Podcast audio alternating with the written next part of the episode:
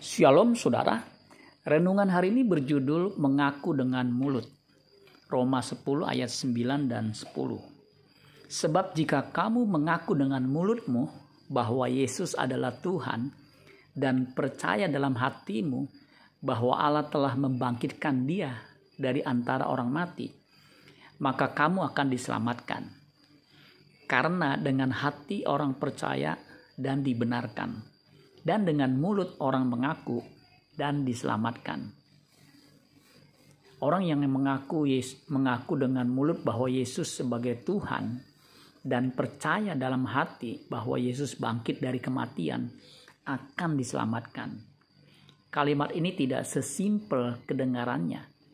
Karena pada waktu firman Tuhan ini ditulis, konteksnya orang yang mengaku Tuhan Yesus akan terancam jiwanya ia akan menghadapi aniaya dari pihak kaisar.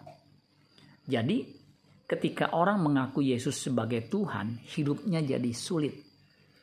Mereka yang mengaku dengan mulut dan percaya dalam hati dapat dikenali dari perilaku hidupnya. Ia akan hidup seperti Kristus hidup. Karena itu orang yang percaya kepada Kristus disebut Kristen. Karena mengikuti kehidupan Kristus. Ketika orang mengaku dengan mulutnya, akan terdengar di telinga orang.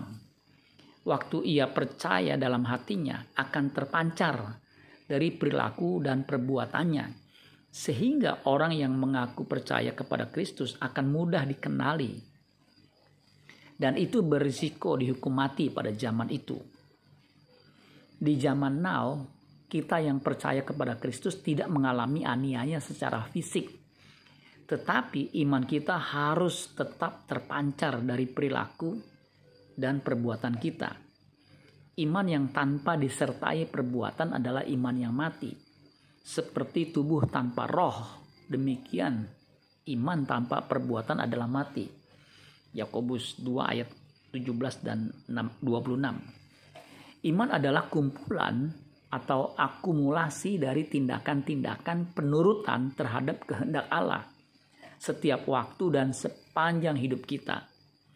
Setiap orang dibenarkan karena iman. Roma 3 ayat 28, Roma 5 ayat 1. Tidak bertentangan dengan pernyataan manusia dibenarkan karena perbuatan-perbuatannya. Yakobus 2 ayat 24. Perbuatan-perbuatan menunjukkan bukan hanya satu dua kali tindakan, tetapi akumulasi dari tindakan-tindakan.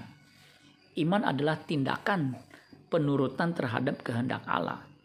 Yakobus 2 ayat 24. Sebagaimana Rahab, seorang perempuan asing dan seorang pelacur pula, ia percaya kepada Allah yang disembah para pengintai Israel itu.